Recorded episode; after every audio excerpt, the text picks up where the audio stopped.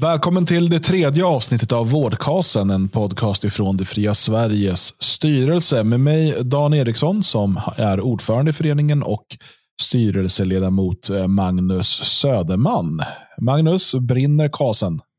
Det gör den allt jämt. Det är som den där heliga elden som finns i olika, olika, ja, på olika platser. OS-elden och sådär. Så att, eh, det gör den absolut. Om inte annat så håller vi den brinnande, vi och, och alla våra, våra medlemmar. Ja, så är det. Eh, och eh, för den som vill läsa mer om vårdkasens historia så rekommenderar jag att man går in på Radio Svegots hemsida på svegot.se. svegot.se. kan man söka där på, på vårdkasen. Där publicerades för några dagar sedan en artikel av Olof Andersson om eh, vårdkasens historia. Eh, det är väldigt, väldigt intressant läsning. Um, I de två tidigare avsnitten av Vårdkasen så har vi dels pratat om vad det fria Sverige gör annorlunda mot andra nationalistiska föreningar och partier både idag och historiskt. Hur vi ser på, på medlemskapet och hur vi ser på engagemanget i föreningen. Um, och I det uh, förra avsnittet så talade vi om Sverige AB. Vad menar vi när vi talar om Sverige AB? Vad är egentligen nation och varför ser vi på den nuvarande staten inte som en nationalstat?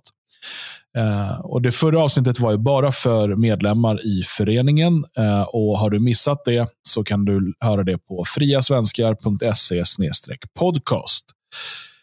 I det här avsnittet så ska vi tala om den stora ödesfrågan för hela västerlandet egentligen. och Det är den, den demografiska utvecklingen. Folkutbytet som sker eh, och vi kommer be bevisa det. Vi kommer vi har belägg för detta påstående så att säga. Eh, men också det som kanske är viktigast, liksom, det är inte att konstatera att det sker, utan att vi också pratar om vilka konsekvenser kommer det få och framför allt vad bör och måste vi som fria svenskar som vill ha en svensk framtid och en svensk gemenskap göra eh, de här åren nu och eh, decennierna och århundraden som kommer framöver. Så det kommer vi prata lite om idag. Men först eh, lite bara vad som händer i föreningen. Det är ju eh, årsmötestider. Inte nog med att ehm, Riksföreningen håller årsmöte eh, i, eh, den 19 mars. Det är också så att även kommunföreningarna håller årsmöte i den här tiden. Så att de evenemang eh, och möten som är utlysta just nu eh, och för dig som medlem finns en komplett lista på friasvenskar.se. Eh, det är nu på lördag, eller nu på lördag, nästa lördag den 12 februari så har de ett, ett träff i Skåne med musikquiz och gemenskap. Ehm, och eh, den 20 februari så håller DFS Skåne årsmöte. Den 26 februari håller DFS Norra Skaraborg årsmöte. Den 27 februari DFS Västmanland håller årsmöte. Och den 27 februari håller också DFS Småland årsmöte. Den 5 mars så eh, träffas medlemmar i Västmanland för en planeringsfika för att planera året. Eh, och som sagt, den 19 mars hålls årsmöte för hela föreningen i Svenskarnas hus. Efter årsmötet så är det fest och middag för att fira tio år av poddande. Ehm, och eh, Där måste man boka sig separat till den festen och middagen. Ehm, det hör inte ihop med årsmötet, så att säga, utan det följer bara direkt därpå. Fredag den 25 mars är det kamratafton i Stockholm. Ehm, där jag kommer tala, där Christian Petersson från Exakt 24 kommer tala och där Jonas Nilsson från Palestra Media kommer tala. Det kan tillkomma fler där. Ehm, kommer också underhållas av en trubadur känd från eh, bland annat Ferox och Svensk Ungdom. Ehm, och Den här kamrataftonen i Stockholm, den kan man delta på även om man ännu inte är medlem i föreningen. Det kan vara ett eh, bra sätt att lära känna föreningen lite närmare. Eh, och Jag kommer där tala lite grann om det fria Sveriges strategi och, och vår syn på, på framtiden. Det finns även evenemang utlysta för april och för maj, och juni och juli. Det finns eh, massor utlyst. Och Som medlem ser du alla de här på friasvenskar.se. Magnus, så. Eh, folkutbytet är en konspirationsteori. Mm, en myt eh, till och med. Jag tittar faktiskt just nu på Expo. De har något som heter Mytkollen. Eh, där de, där de eh, avslöjar sådana här myter som sådana som vi hittar på allt, allt eftersom. För att egentligen så lever vi i en värld där allting bara är bra. Har du tänkt på det? Jag tycker det är ganska intressant ändå. Allting är egentligen bara jättebra eftersom att allt vi säger som inte är bra, det är bara hittepå. Mm. Eh, så att ibland så önskar man nästan man själv fick leva i den där världen där ingenting verkar hända som är dåligt. Eh, problemet är att de ljuger och det är deras, deras uppgift. De är propagandister, de är motståndare, de, är, de har sina skäl till att eh, till att vilja att det ska vara på det sättet som det är.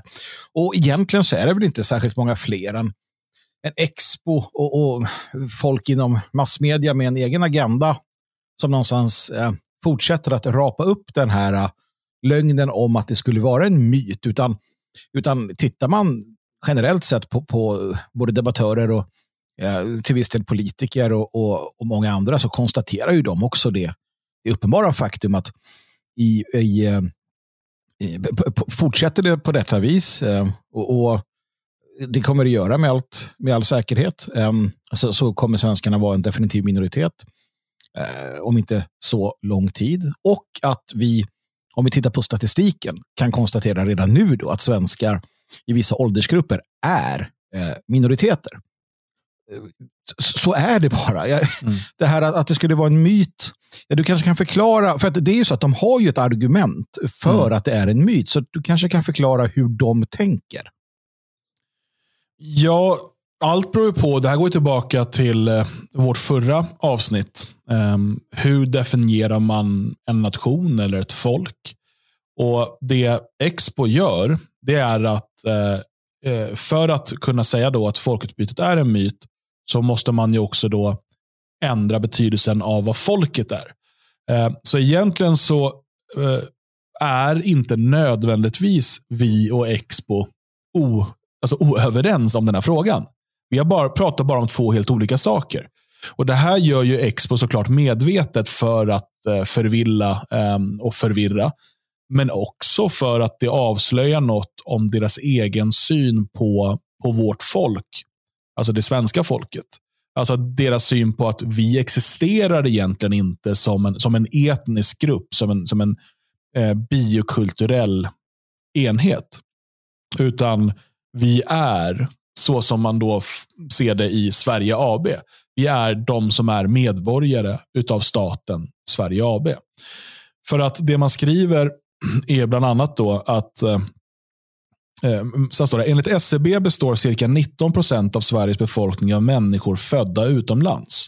Det här var då 2018. Om man dessutom räknar in Sverigefödda personer med två utrikesfödda föräldrar får man SCB-kategorin personer med utländsk bakgrund. Sammantaget utgör dessa 25 procent av befolkningen. Och Sen så eh, skriver man eh, i, i, sin senaste rapport då så beräknar myndigheten SCB att Sveriges befolkning under perioden fram till 2070, så långt som det finns prognos för i dagsläget, kommer att bestå av som mest 26 procent utrikes födda. En andel som väntas minska mot slutet av perioden. Kategorin utländsk bakgrund görs inga prognoser för av SCB. Och eh, man eh, eh, skriver vidare då att, om det här med folkutbytet. Med en sådan föreställning tillsammans med en rasistisk förståelse för vilka som har rätt att befolka Sverige blir det även ett mindre antal personer problem för den framtida etniska sammansättningen. Men lutar vi oss mot demografin ser vi att födelsetalen inom Sverige inte skiljer sig nämnvärt åt mellan befolkningsgrupper. Så Det man menar här är att eftersom att Eh, en majoritet fortfarande kommer att vara födda inom Sverige. Hur många av dem som kommer ha då utländsk bakgrund, vilket enligt SCB är två utrikesfödda föräldrar. Eh, det vet man inte.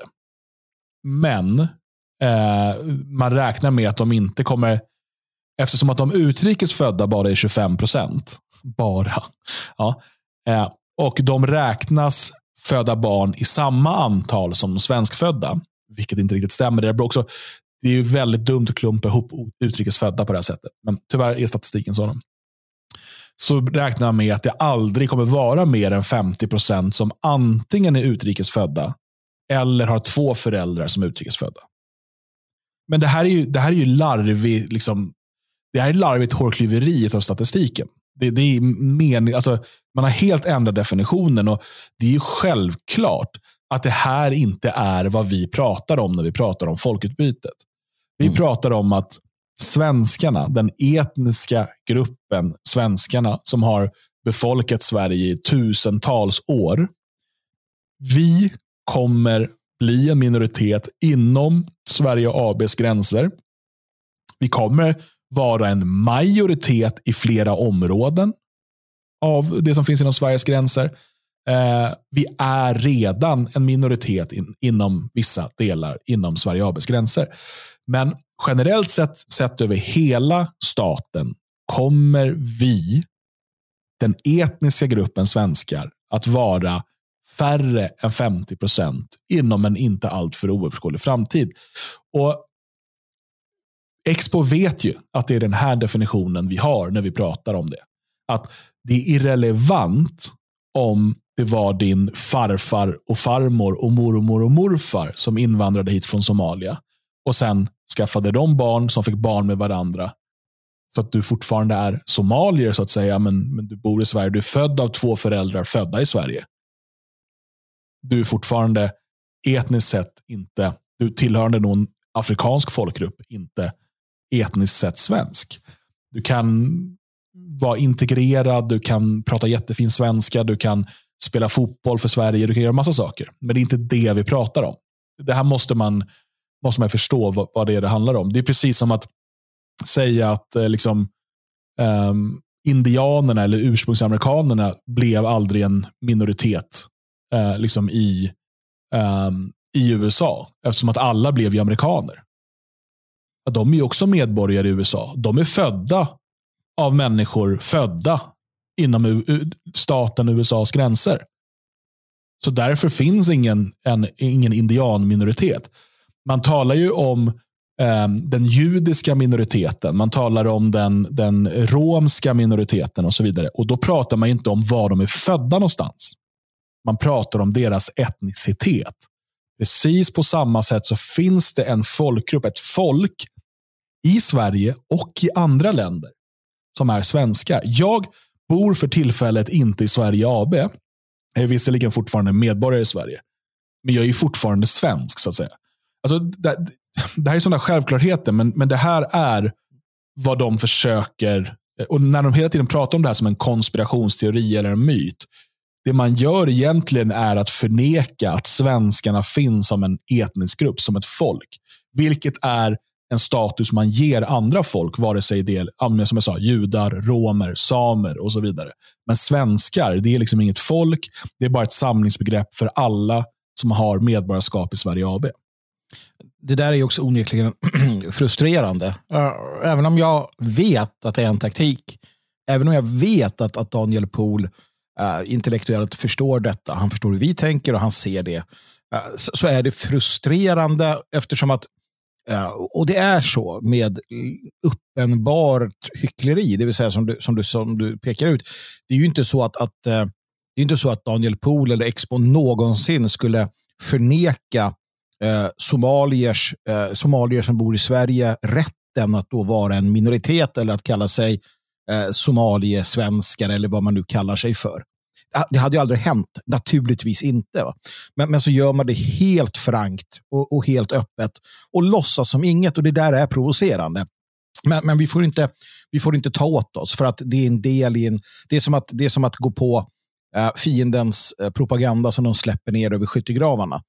Eh, i ett krig. Så, så, så, att det här måste man på något sätt hantera. Och det enda sättet att hantera det på det är ju naturligtvis att, att tala klarspråk och, och, gång efter annan förklara eh, vår syn på det. Det är ju också så att, att Expo, som jag sa, är ganska ensamma tillsammans med ja, ensamma och ensamma. De har ganska mycket av den, den, den politiskt korrekta eh, medien på sin sida. Men, men allt fler uh, tar ju det här ett steg vidare. En sån som Tobias Hübinette till exempel, känd så kallad antirasist, någon form av eh, gammal kommunist eh, eh, och så vidare. och så vidare. Han var en av de som grundade Expo för övrigt. Det finns mycket att säga om honom, jag ska inte dra upp det nu. Eh, men han är ju då eh, han, han håller på att forska i sån här vithet och, och vad det nu heter. Men han tillhör ju den skaran som på senare tid har eh, återlanserat begreppet ras. Um, och, och, tycker att man ska prata om ras.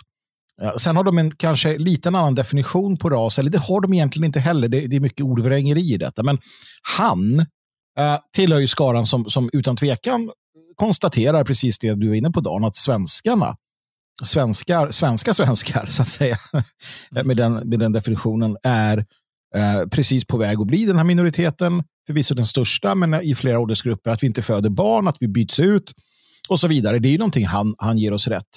Eh, och, och har inga, inga problem med det. Och det finns ju då många andra också, och det här är något vi ska komma in vidare på, minoriteter som försvarar sina rättigheter i eh, Sverige AB med näbbar och klor. Och det är ju det som Expo med flera är livrädda för. Att svenskarna ska börja förstå detta, förstå konsekvenserna av detta och därvidlag också börja försvara sig mot detta. För då kan det bli eh, problematiskt för dem.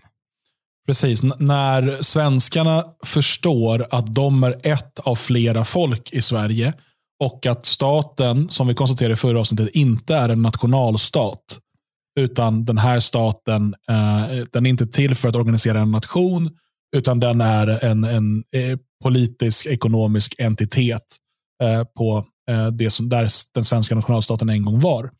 Eh, när svenskarna förstår det och börjar kräva rättigheter eh, och så vidare, så som de kan göra som en etnisk grupp inom staten, så eh, kommer det bli väldigt, och börja se sig som den här gruppen. Det där är viktiga, den här självidentifikationen, att förstå att ah, vi är ett folk. Precis som att den, den här, de här judarna, eller romerna, eller somalierna eller turkarna, de är folk som bor i Sverige. Sen är vi alla liksom medborgare i samma stat, absolut, men det är inte det vi pratar om nu, utan eh, vilket folk man tillhör, vilken, vilken etnisk grupp. Eh, I, I, USA har man ju gjort det här på ett annat sätt, för där talar man ju om, om, liksom, om man är vit eller svart eller hispanic och så vidare. Och mm. där är det ju väldigt, det, okay, det finns de vita som hävdar att de är svarta och sådär, för de har någon 19 000 dels droppe och sådär. eller att de är indianer eller någonting. Men, men generellt sett så gör ju det att statistiken där är väldigt tydlig. Där har ju liksom vår motsvarighet i de här länderna har ju talat om folkutbytet och liksom, eh, det vita folkmordet som man kallar det uh, mm. under lång tid. Och även där har man det där är en konspirationsteori. Idag jublar man ju på de stora tidningarnas uh, ledarsidor. Snart är de vita i minoritet. Äntligen. Det är bra för USA och så vidare. Nu, nu har det gått från att man säger att det är en konspirationsteori till att man säger att det är någonting bra. Um, problemet vi har i, i Sverige är att vi talar inte om vita. Det där är ett väldigt amerikanskt begrepp. Även om det så självklart är så att svenskarna är vita, så är det inte det, det är inte där vår främsta identifikation ligger. Det finns ju mycket mer än att vi bara är vita. Det finns ju många vita som inte är svenskar. Eh, men det finns inga svenskar som inte är vita. Så att, att tala om huruvida liksom, vita det, det, är ju, skulle kunna förtydliga saker. Men det skulle också rycka undan väldigt mycket som är en del av vår identitet. Um, att vara svensk är därför så mycket mer. Men jag tänker bara för att visa på allvaret i situationen. Om vi tittar på den demografiska utvecklingen och vi tittar på eh, liksom en specifik och intressant grupp eh, som är då eh, män i åldern mellan 15 och 44 år. Det här är den åldern då man är eh, som mest aktiv i familjebildande och så vidare. Absolut, man kan som man eh, bilda familj och skaffa barn efter man är 44, men det, det vanligaste är där, mellan de här åren. Eh, och på något sätt är det att, att titta på den åldersgruppen är att också titta in lite i framtiden. Uh, att titta på åldersgruppen 80 plus är ganska ointressant uh, för att kunna se vart vi är uh, om 40 år. Mm. Så i ålderskategorin 15 till 44 år, män mellan 15 och 44 år, så skedde mellan 2002 och 2018 en, en dramatisk förändring. När det gäller, för att återigen, vi har i Sverige inte statistik på etnicitet bara för att ta ett exempel. Jag växte upp i Skogås, där fanns det många turkar. Eh, det var den största invandrargruppen. Och där eh, Många av de turkarna som gick i min skola på 80-talet, jag började 89 började skolan, de var födda på 80-talet. De var födda i Sverige. Och De utgjorde redan en stor minoritet i skolan. Runt 10 procent kanske. 10-15 procent någonstans. Många av dem som var födda i Sverige har gift sig med andra turkar födda i Sverige. Och fått barn i Sverige. Enligt all officiell statistik och all statistik vi har tillgång till är de svenskar i statistiken. Mm.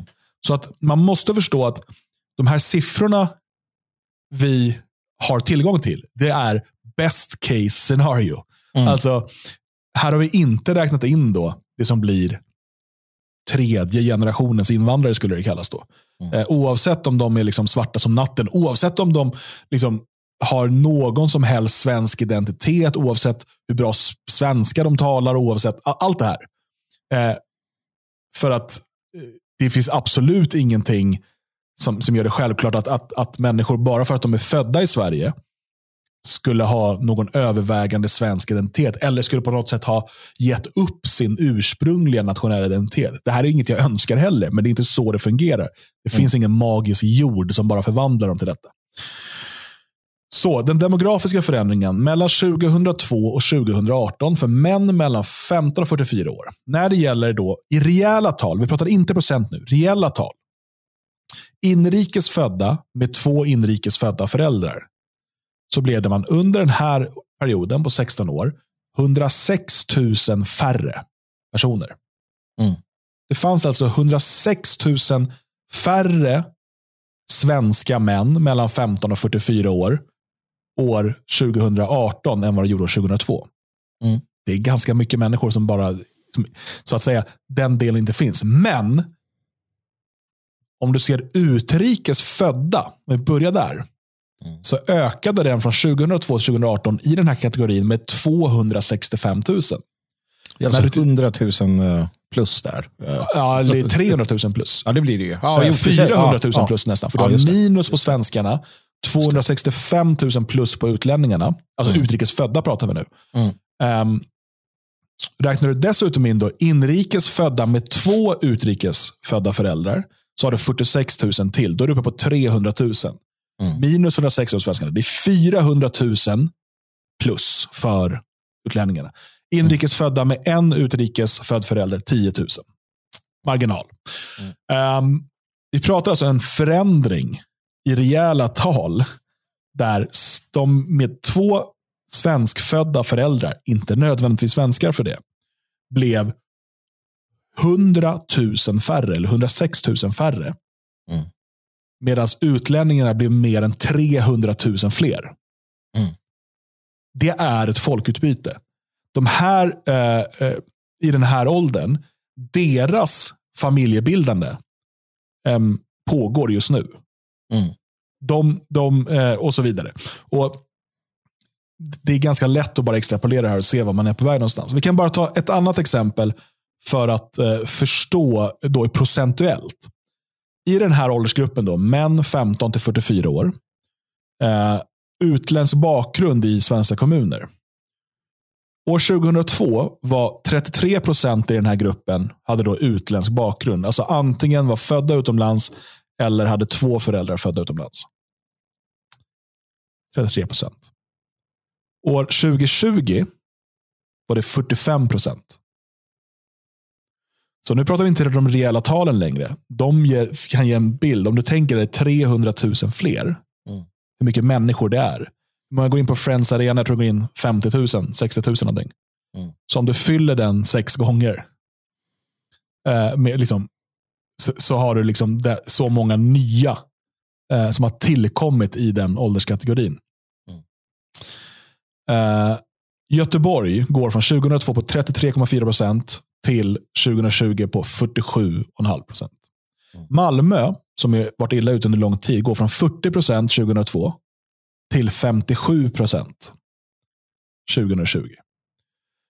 Vi har Huddinge utanför Stockholm som går från 37 procent, här är jag uppvuxen, Huddinge kommun, Mm.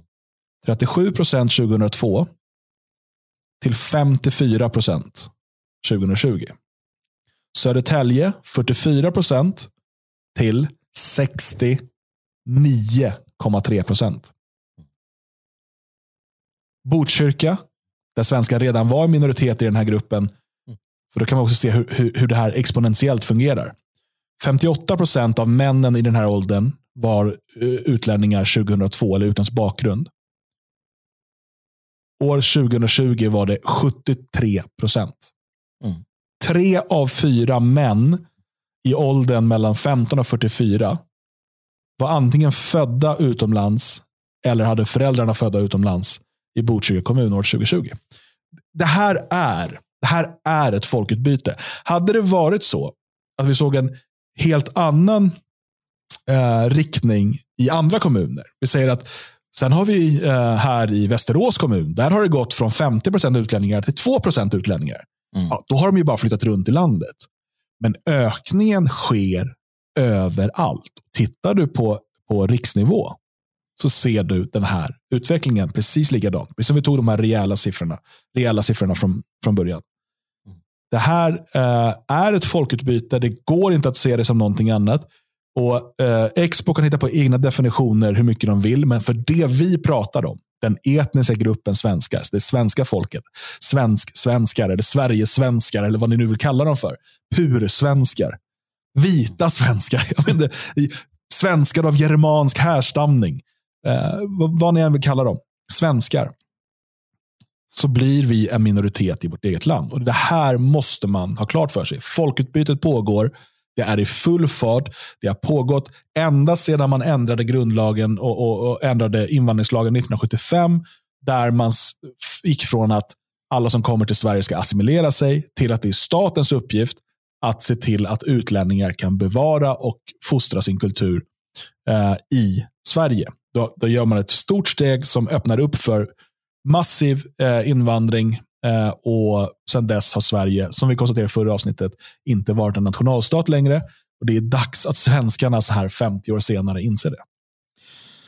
Precis, och tittar man vidare på, på siffrorna så, så kan man bara konstatera då ungefär om vi ska vara lite sådär vi, mellan tummen och pekfingret om man då uh, tittar på det över tid fram till 2030 ungefär på riket, alltså hela landet, eh, om du följer de här prognoserna. Och det, finns ingenting som talar, talar för att det inte skulle ändra sig, så att säga. Då, då kommer vi ligga uh, någonstans 2030 uh, på hela riket, va? runt 45, 46, 47 procent.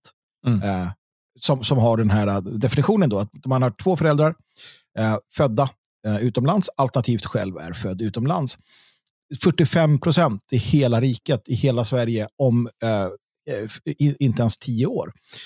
Eh, och så är det bara. Alltså, det är så. Det går inte att komma ifrån och, och, och det är som det är. Och med det måste vi då, när vi har svalt den här tråkiga nyheten, för det är det ju, så måste vi också då eh, tänka lite grann. Du, du, du, tar några, det var intressant, du räknade upp några. Malmö, Botkyrka, Huddinge. Um, Huddinge Eh, och så. Och det här är ju alla områden som då huserar i, inom sina så att säga definierade gränser, eh, någon form av problemområden i mer eller mindre större utsträckning. Malmö har ju sina problem. Det finns ju fina ställen i Malmö också.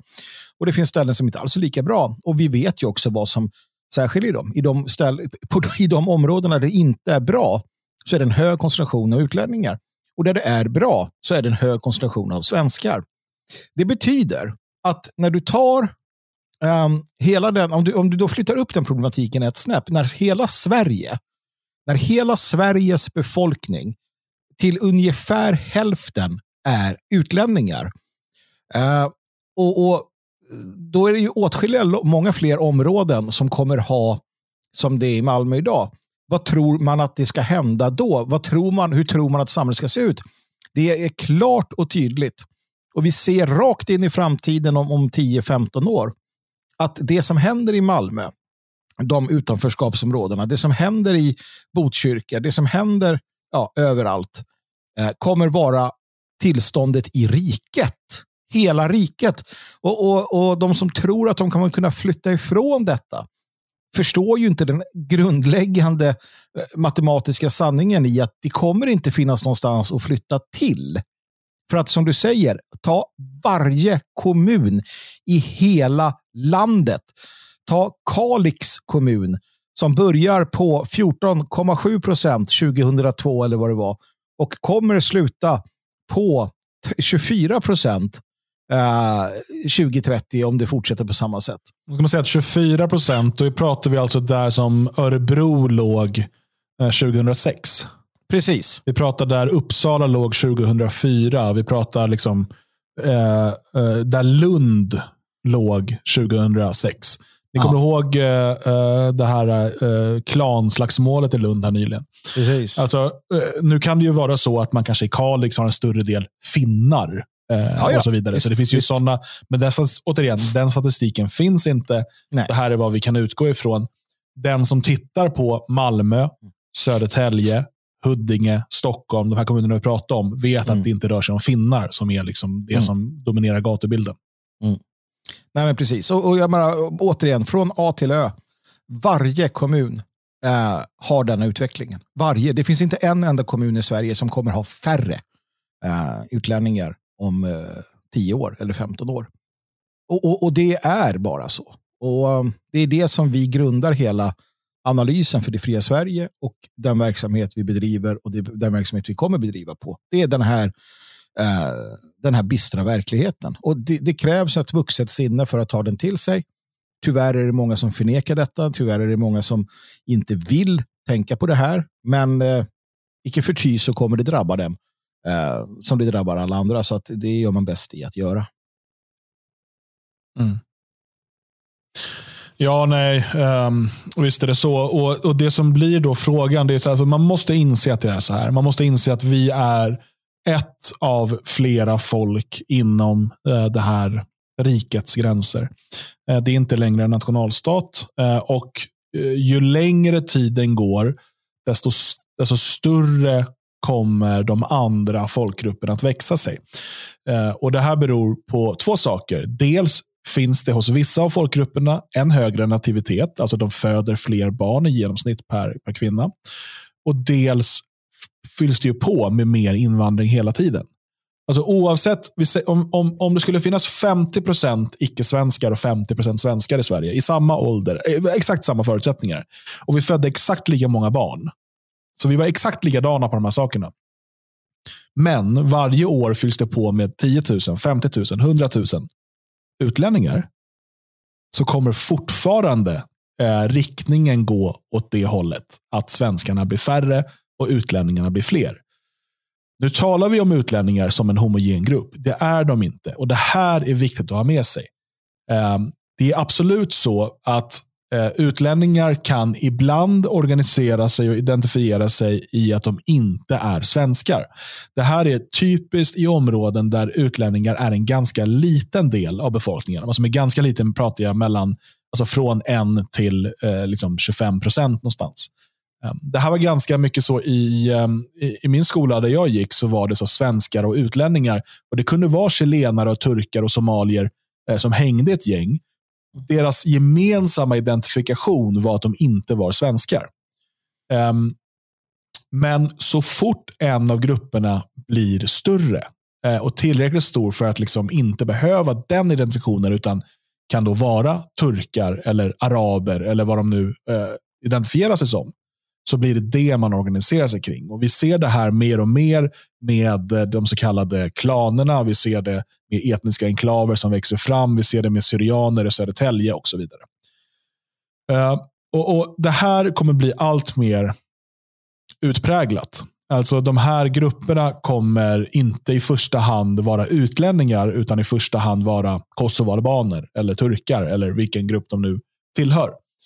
Eh, och De kommer bo i olika delar av områdena. De kommer, de kommer eh, bråka med varandra om en massa olika saker. Det behöver inte vara kriminell verksamhet, utan bara att de anser sig ha olika intressen och försvara sina intressen som eh, etnisk grupp eller som folk.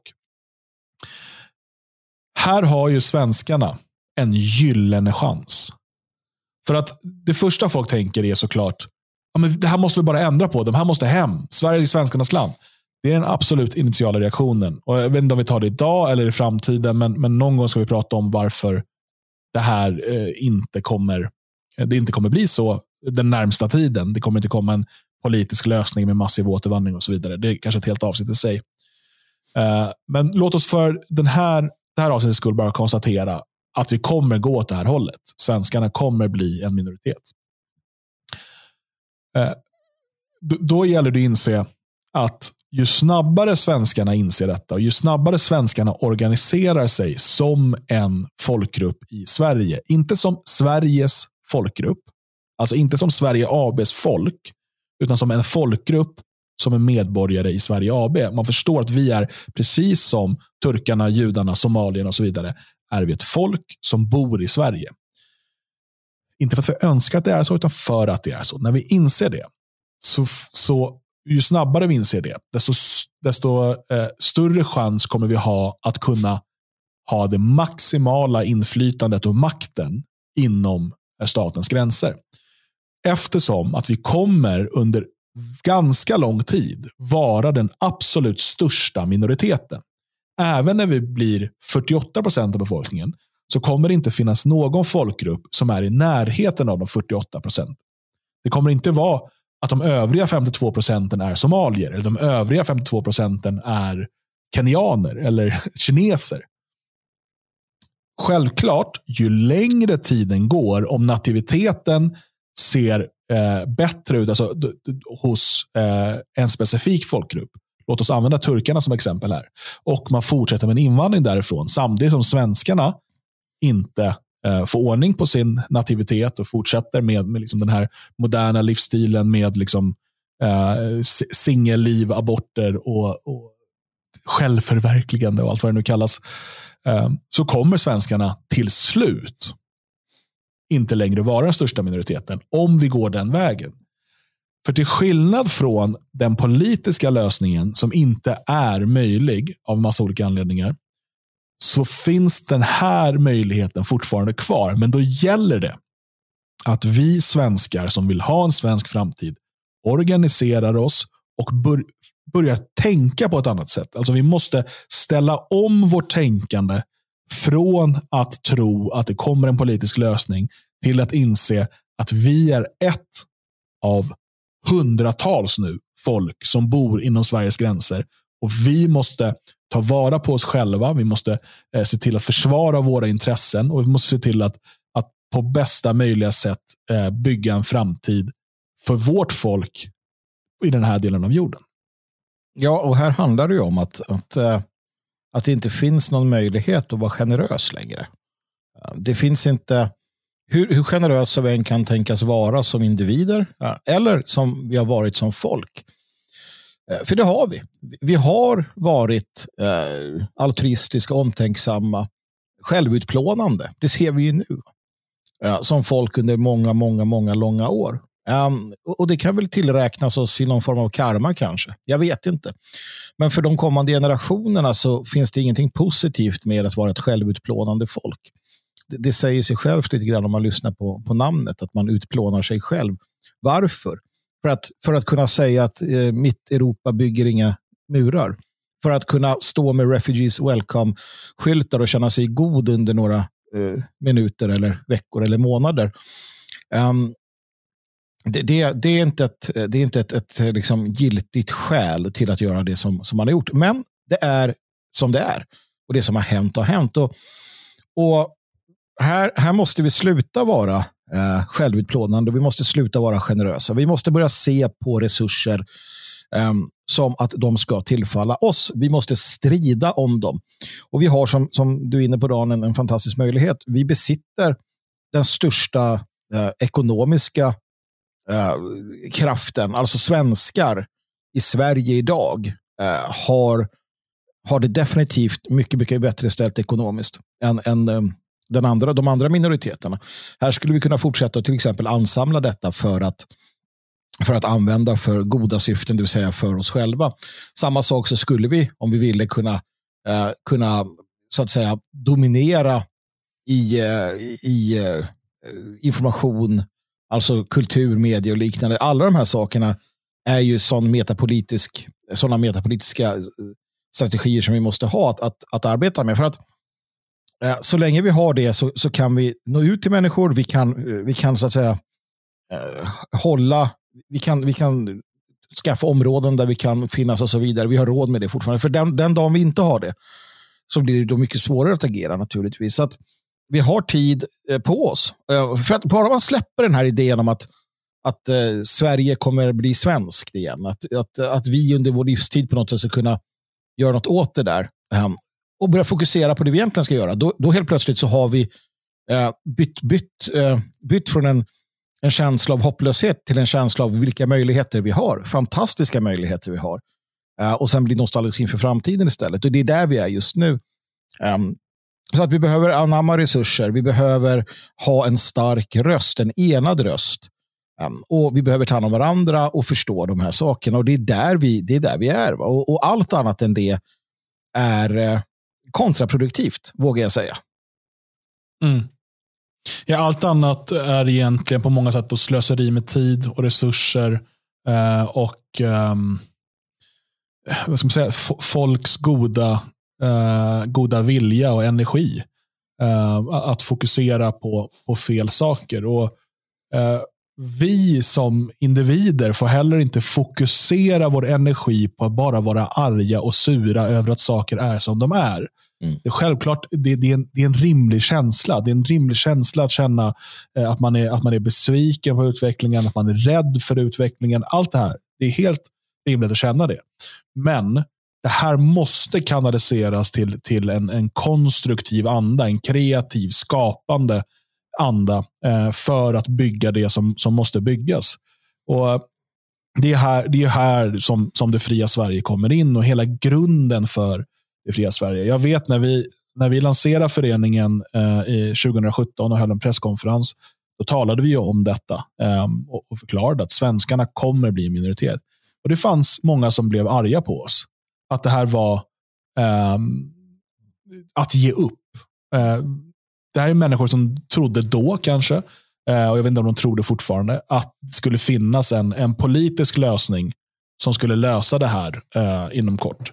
Jag tänker att vi ändå ska beröra det. Då. Vi, vi får gå djupare på det i ett kommande avsnitt. Men varför vi menar att det inte finns någon politisk lösning och för då måste vi definiera vad lösningen är. Alltså lösningen i det här fallet, det vi menar är en, en politik som ser till att Sverige åter blir svenskt. Alltså, vi talar här om en politik med en, en, en återvandringspolitik som eh, skulle, det skulle handla om en, en återvandring av säkert, alltså utav de utomeuropeiska invandrare som är här så måste ju minst 90 procent återvandra. Alltså det måste mm. vara en så, en så liten minoritet kvar eh, att man den med tiden kan nästan sugas upp av liksom, samhällskroppen mm. eh, över generationer.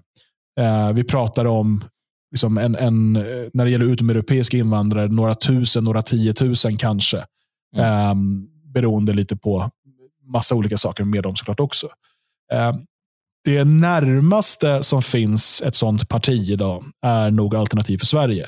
Mm. Eh, man pratar om en, en återvandring av en miljon människor och så vidare. Det är ett parti som i bästa fall i nästa val kan få runt en procent av rösterna, skulle jag säga är realistiskt. Jag, jag, tror att de, tyvärr så tror jag att det är stor risk att de får färre, men de kan få runt en procent av rösterna. Mm. Det näst närmaste partiet är Sverigedemokraterna, som vill ha eh, ett Eh, ett liksom tillfälligt invandringsstopp och frivillig återvandring. Och de fick i senaste valet mindre än 20 procent. Mm. Så om vi bara har det, det stödet har den här typen av politik fått hittills. Mm. Se, kom, kom nu ihåg den demografiska förändring vi talade om. För att kunna genomföra den här politiken så behövs minst minst 51 procent stöd för en sån politik. Egentligen förmodligen då två tredjedelar, för det kommer förmodligen behövas grundlagsändringar. Mm. Och Då behöver du två tredjedelar av parlamentet. Men låt oss för att vara generösa i tankeexemplet eh, säga att det behövs 51 procent. I dagsläget utgör utlänningar enligt Expo eh, runt 25 procent. Mm. Och om vi bara för räkneexemplet skulle gör, låtsas att alla här är i samma ålder eh, och att alla är röstberättigade, eh, så är det inte riktigt. Så skulle, men då skulle det betyda att svenskarna utgör 75 procent av de som har rätt att rösta. Mm. Vi behöver alltså 51 procent av det totala röstantalet. Vi har tillgång till 75 procent av rösterna. Vi behöver, alltså bland svenskarna behöver vi ungefär två tredjedelar av rösterna för att få 51 procent av de totala rösterna. Mm. Om du ställer dig själv frågan nu, du som lyssnar. Tror du att du kommer kunna få, eller vi kommer kunna få till det här valet, för det är den statistik som gäller nu. Mm. Två tredjedelar av svenskarnas röster för massiv storskalig återvandring. När mindre än en procent röstade för det senaste valet. Och är vi schyssta och räknar in Sverigedemokraterna, vilket är helt fel egentligen, men vi gör det för liksom sakens skull. För att liksom ge de som röstar på Sverigedemokraterna lite så benefit of a doubt. Uh, 20 procent. 20 procent. Och vi vet att utlänningarna var överrepresenterade av de som röstade på Sverigedemokraterna. Så att bland svenskarna är det färre än 20 procent som röstar på Sverigedemokraterna. Mm. Alltså, det är inte rimligt att tro att det, där, att det kommer ske. Och då, den är nästa val då 2026, 2030, 2034. Och då har den här demografiska förskjutningen skett ännu mer. Det är helt enkelt inte rimligt att tro att svenskarna en mass kommer gå ut och börja rösta för storskalig återvandring. Det finns också eh, alltså, det finns också så att man måste förstå att de allra flesta det här har vi pratat om flera gånger, men de allra flesta utlänningar är schyssta människor. Mm. Det säger sig självt. De allra flesta svenskar är också schyssta människor. Mm. Eh, och liksom kan vara bra grannar, bra kollegor, eh, bra anställda, bra allt möjligt. En politik som ska säkra en svensk framtid i Sverige skulle betyda återvandring även av schyssta utlänningar. Mm. Hur många svenskar som inte ens har en förståelse för att de bara är ett av flera folk i Sverige, är beredda att rösta på en politik som kommer betyda att den här schyssta, eh, den här schyssta kenyanen på jobbet ska flytta tillbaka till Kenya. Alltså, eh, vi har kommit så långt, den här, den här massinvandring och mångkulturspolitiken har drivit så långt att den typen av förändring inte är politiskt möjlig, utan det vi ser framför oss, det är balkaniseringen av samhället. Det är eh, eh, att svenskarna blir en allt mindre del av befolkningen.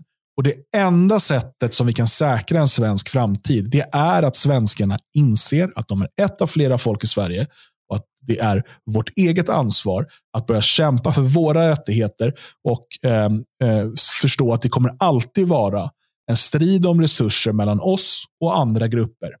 Eh, det här betyder inte att man inte kan vara god vän eh, med någon som inte är svensk. Det här betyder inte att du inte kan vara schysst mot en granne som inte är svensk. Eller tvärtom. att en granne... Men precis som att, um, om jag tar där jag växte upp, återigen då, turkarna där kunde vara, liksom, vi spelade fotboll ihop. Vi kunde vara kompisar där och så vidare. Men de var fortfarande turkar. De stod upp för sin turkiska grupp. Och de såg till att strida för deras turkiska intressen i eh, där vi bodde. Eh, vi visste, och jag var med om det själv, att hamnade man i bråk med någon av dem, då får du hela den turkiska folkgruppen på sig. Då sluter de upp bakom sina egna.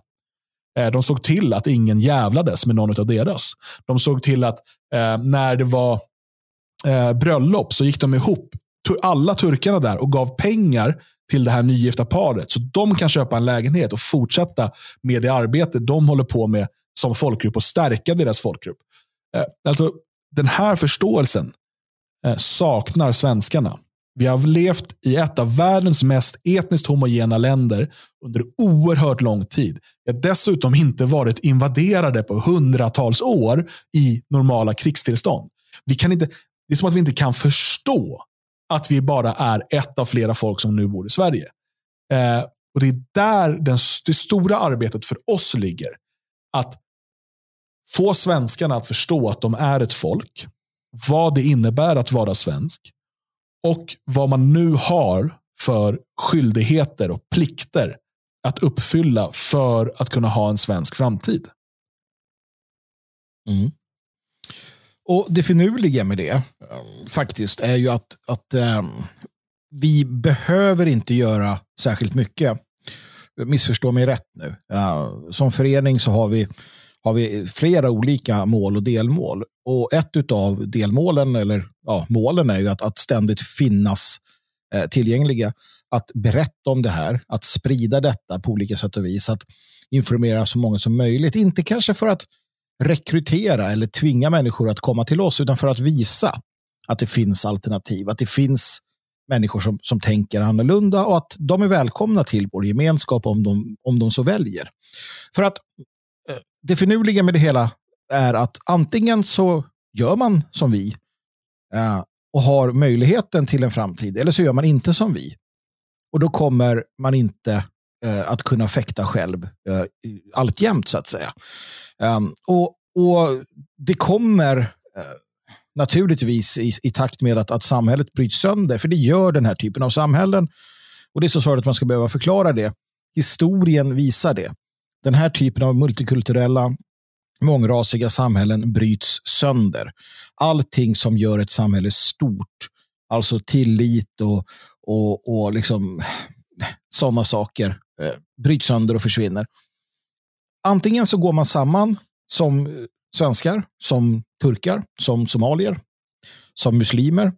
Och det här är en annan aspekt av hela religionen då som, som också kan komma in. Eller så, så försöker man fäkta själv i en tro på att eh, någon enad mänsklighet ska och så vidare, vilket, inte, vilket aldrig är sant och blir då överkörd av de här eh, minoriteterna.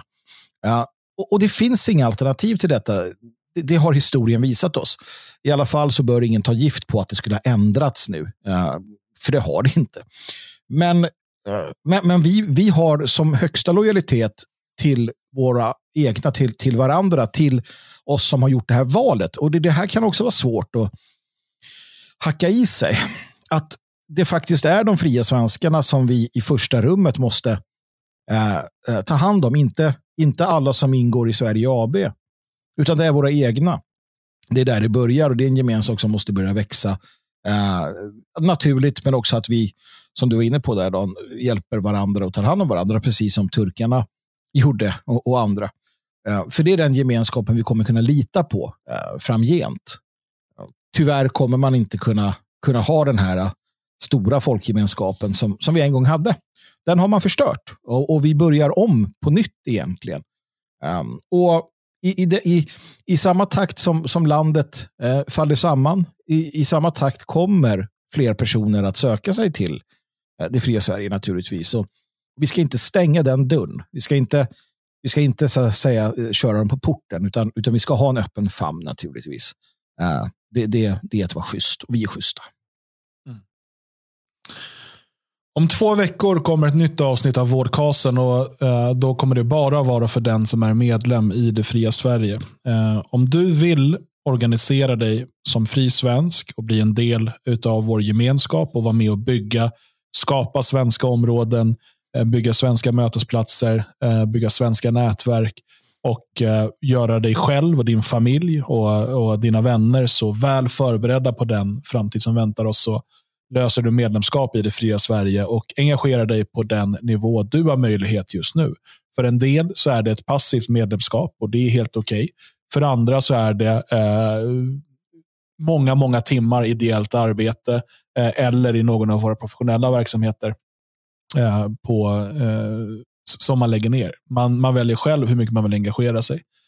Um, att bli medlem är också ett sätt att stötta arbetet och se till att vi får möjlighet att uh, få ännu större muskler att kunna uh, arbeta med uh, och att kunna ta för oss med och skapa platser och utrymmen för svenskar. Um, så att lös medlemskap på detfriasverige.se eller och snedstreck eller kan man säga eh, lämna en donation på detfriasverige.se snedstreck donera. Det går att donera med kort, med banköverföring, med Swish Eh, och med kryptovalutor.